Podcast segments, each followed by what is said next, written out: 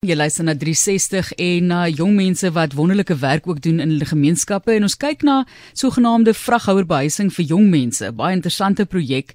Ek probeer nou, ek dink ek gaan bietjie Google en kyk of mense kan hoor wie daardie skeepsvraghouers vir die eerste keer gebruik het vir behuising byvoorbeeld en as wonderlike werk wat mense daarmee doen, wat argitekte daarmee doen. Charlies van der Merwe en Neil Steyn is in die ateljee en Charlies van der Merwe is 'n predikant by Eysterplaats NGK en Neil Steyn is predikant kant by Tableview Blouberg NGK. Ek was ook al daar gewees 'n paar keer. Hulle is die stigters van die Isibindi nie winsgewende organisasie. Baie welkom aan beide van julle. Dankie Martlies, lekker om hier te wees. Sê gou vir ons waarvoor staan Isibindi? Wat beteken dit? Isibindi is die Khoza woord wat beteken om braaf te wees, ehm um, of soos die Engelse sê om guts te hê. Ehm um, en ons het gedink dit is 'n goeie naam vir ons organisasie omdat ons ook jong mense uitdaag om met hierdie bravade of hierdie ehm um, guts uh, die lewe aan te pak. Ja. So julle is gutsy predikante. Nee. Hoe voel jy oor daai naam? Dit is vir ons lekker om om daai naam te hê want ons weet ons jong mense kom uit moeilike omstandighede met baie storms wat oor hulle pad kom en dit is nodig om braaf te wees om hierdie storms aan te pak. So ja, ons daag mekaar uit om met waagmoed te leef. Daar's nou baie inisiatiewe waarmee jy besig is. Ons gaan in die toekoms met nog met julle oor nog daarvan gesels liewer. Maar hierdie area wat julle by betrokke is, skets vir ons 'n bietjie die prentjie van die mense van daardie areas. Die area waar die skepvrag ja, en waar jy vir mense toegang wil gee. Ja. So eis, ons werk in Eysterplaat. Dit is waar die koshuis uh, funksioneer en dit is 'n verarmde voorstad van Kaapstad. Baie mense weet nie noodwendig waar dit is nie, maar as jy uit die stad uit ry, is dit letterlik 7 km op jou linkerkant reg langs die N1. En dit het die, die ja, dit bestaan uit baie lae inkomste huishoudings, baie ehm um, bejaarde persone wat lewe van staatspensioen en ja, die die area is maar moeilik in die sin dat daar baie dwelmhandel is. Nie baie gangsterisme nie, maar so so klein bietjie bende ehm um, bedrywighede ja, ja. en en dan as gevolg van die moeilike goed wat daar gebeur, is daar maar baie hoë risiko kinders wat ook in die area ja, wat ook in die area bly. So julle praat nou hierso van jong mense. Is julle besig om te praat van kinders wat nie ouers het tans nie of tiener uh hulle praat ons van uh, huishoudings wat aan die hoof 'n tiener staan in die hoof van 'n huishouding het hulle ouers verloor of praat jy nou van bietjie ouer ouer jong mense. So wat is die wat is die groepering wat julle op fokus?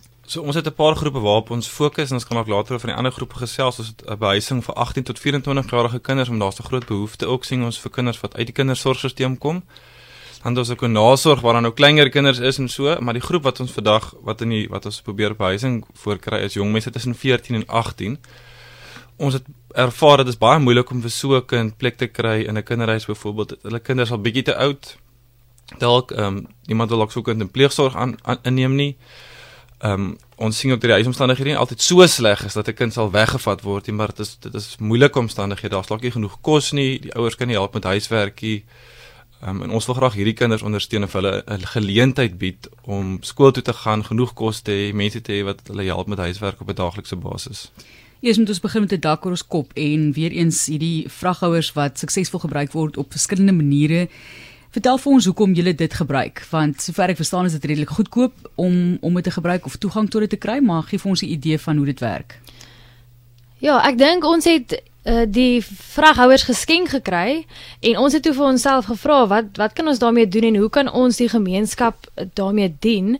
So uh, beide ek en Neil werk in die kerk en ek dink ons al twee het 'n hart om die totale kerkterrein te gebruik vir die voordeel van die gemeenskap en so die gemeenskap te dien. So ons het toe gesê ja, ons ons ons sal die skeepvraghouers vat en toe besluit om om dit te omskep. So ek ja, ek dink die grootste rede hoekom ons dit ja daarvoor gesê het is is omdat ons die spasie gehad het en ek dink ons groot uh visie is om die, elke spasie wat ons het op die kerkterrein te gebruik.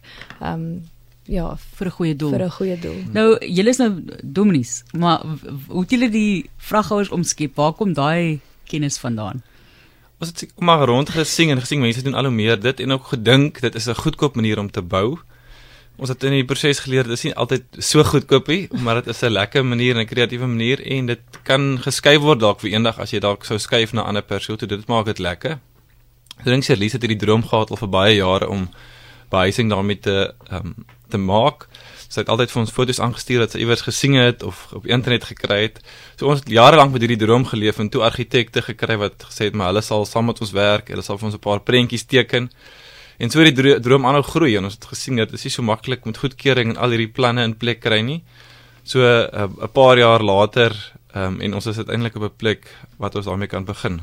So jy het nou net vroeër die woord koshuis gebruik en ons begin nou met die dak oor ons kop. Nou wil ons kyk na toegang tot kos en al hierdie tipe van ook maatskaplike dienste wat sekerlik daarmee gepaard gaan. Dan raak dit nogal gekompliseerd. So op hierdie stadium, hoe voel julle in terme van die bestuur van hierdie projek eh, oor op oor grootse vlak, oor hoofse vlak liewer? Voel julle dit is suksesvol? Waarvoor waar waarmee het julle nog die meeste hulp nodig byvoorbeeld? Ja, ek dink miskien kan ek eerstens net noem dat ons wel baie nou saam met die ACVV byvoorbeeld in ons area werk en ook saam met die maatskaplike werkers by die skole, maar dat hierdie nie 'n reëling van die van die maatskaplike dienste is nie, maar dat ons 'n privaat ooreenkoms het met die tieners se ouers. So ons sal na 'n ouer toe gaan of na 'n familie toe gaan en sê ons sien die potensiaal in jou kind. Ons wil graag vir hom die geleentheid of haar die geleentheid gee om hier by ons te bly. So dis dis nogal 'n intense proses sekerlik. Jy stel jouself geweldig oop vir allerlei ja. dinge as mens dink in terme van jy kan aan of toegesleep word vir een of ander rede, jy weet, ek sit nou net dadelik en dink aan aan die moontlike gevare. Dis nou verskriklike te mense so dink, nê. Nee. Jy dink dadelik aan die negatiewe kant en nie aan die moontlikhede nie, maar eh, op watter manier is jy dan besig om ook jouself te beskerm? Jammer vir ons moet die vir die vir uh, daai negativiteit en al die regte dokumente in plek hê vir die vir die leiers wat daar bly. Ons probeer goeie toesig daai 'n bietjie reëls in plek sodat die kinders veilig is en ons weet waar hulle is in die dag. Dat hulle goed kommunikeer, dat ons weet wanneer hulle by die skool, wanneer hulle terug en daar is mense wat daar bly op die perseel wat dan ook toesig hou en seker maak ehm um, hulle is veilig. So ons ja. probeer ons bes. Yes, dit is 'n groot risiko wat mens neem. Maar soms mense sê dat die risiko is is is nie so groot dat ons nie wil omgee uh, vir ander mense nie. Ons wil eerder aanhou ja. omgee vir jong mense in nood. Ek is so beïndruk want dit is is nie sommer net van ooh, julle is nou twee jong predikante, julle reël 'n paar vraghouers en hierso is nou 'n plek vir kinders om te gaan bly nie. Julle gaan letterlik gaan en haal daardie kinders en probeer hulle na 'n omgewing toe neem waar hulle kan floreer of waar hulle 'n toekoms kan hê. Uh, dit is 'n baie baie groot groot projek op daardie stadium en ge, en gekompliseerd dink ek daarbey. So hoeveel kinders op hierdie stadium het julle al behuising voorverskaf? Ons het vir onsself een ding beloof, dit is dat ons wil klein begin. Ons wil nie onnodig groot begin en dan probleme hê nie. So ons het er nou vir 'n rukkie 4 gehad met een meisie kon terug gaan na familie toe. Ons het nou 3 um, jong mense wat daar woon wat in die skool is in ons eerste um, vraghouer en ons het nou nog 2 wat ons besig is om te ontwikkel. So hopelik teen volgende jaar sal ons so wat 8 tot 10 jong mense daar hê. So ja, klein, maar dit is, is lekker om 'n diep pad met hulle te stap. So as dan nou mense kom en sê kom, luister, ek het vir jou 'n paar vraghouers of ek kan hierdie en daai bydra of ek kan dalk finansiëel vir julle help. Wat gaan jy sal sal jy bereid wees om vinniger te groei? Is jy is jy gereed daarvoor? Dalk? ja, ek dink ek dink ons is altyd bereid om te groei. Ehm um, die groei kan op op, op verskillende maniere wees. As jy nou dink al hierdie kinders kan dalk, jy weet, iets gaan swat ook.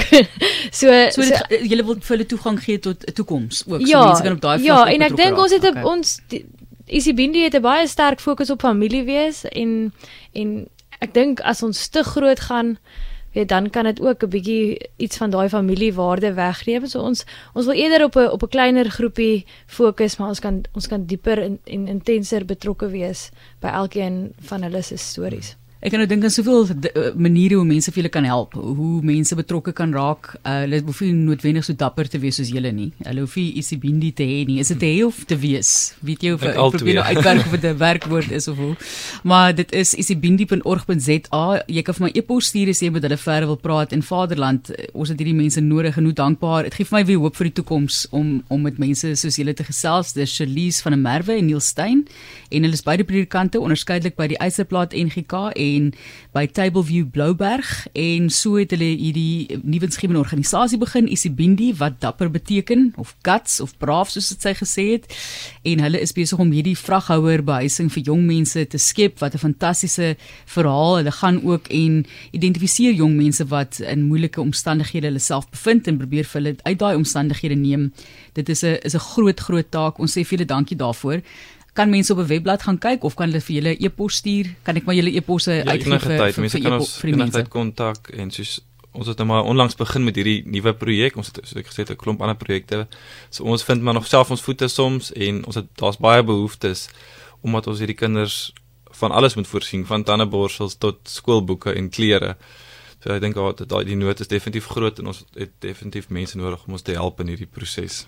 Hoe fantasties. Julle so daai is 'n webblad, né? Is dit reg? Yes, Goed. ja. Ek het net julle e-posadres, want ek het gedink as daar 'n org.za is, dan is daar darm dalk al 'n webblad ook.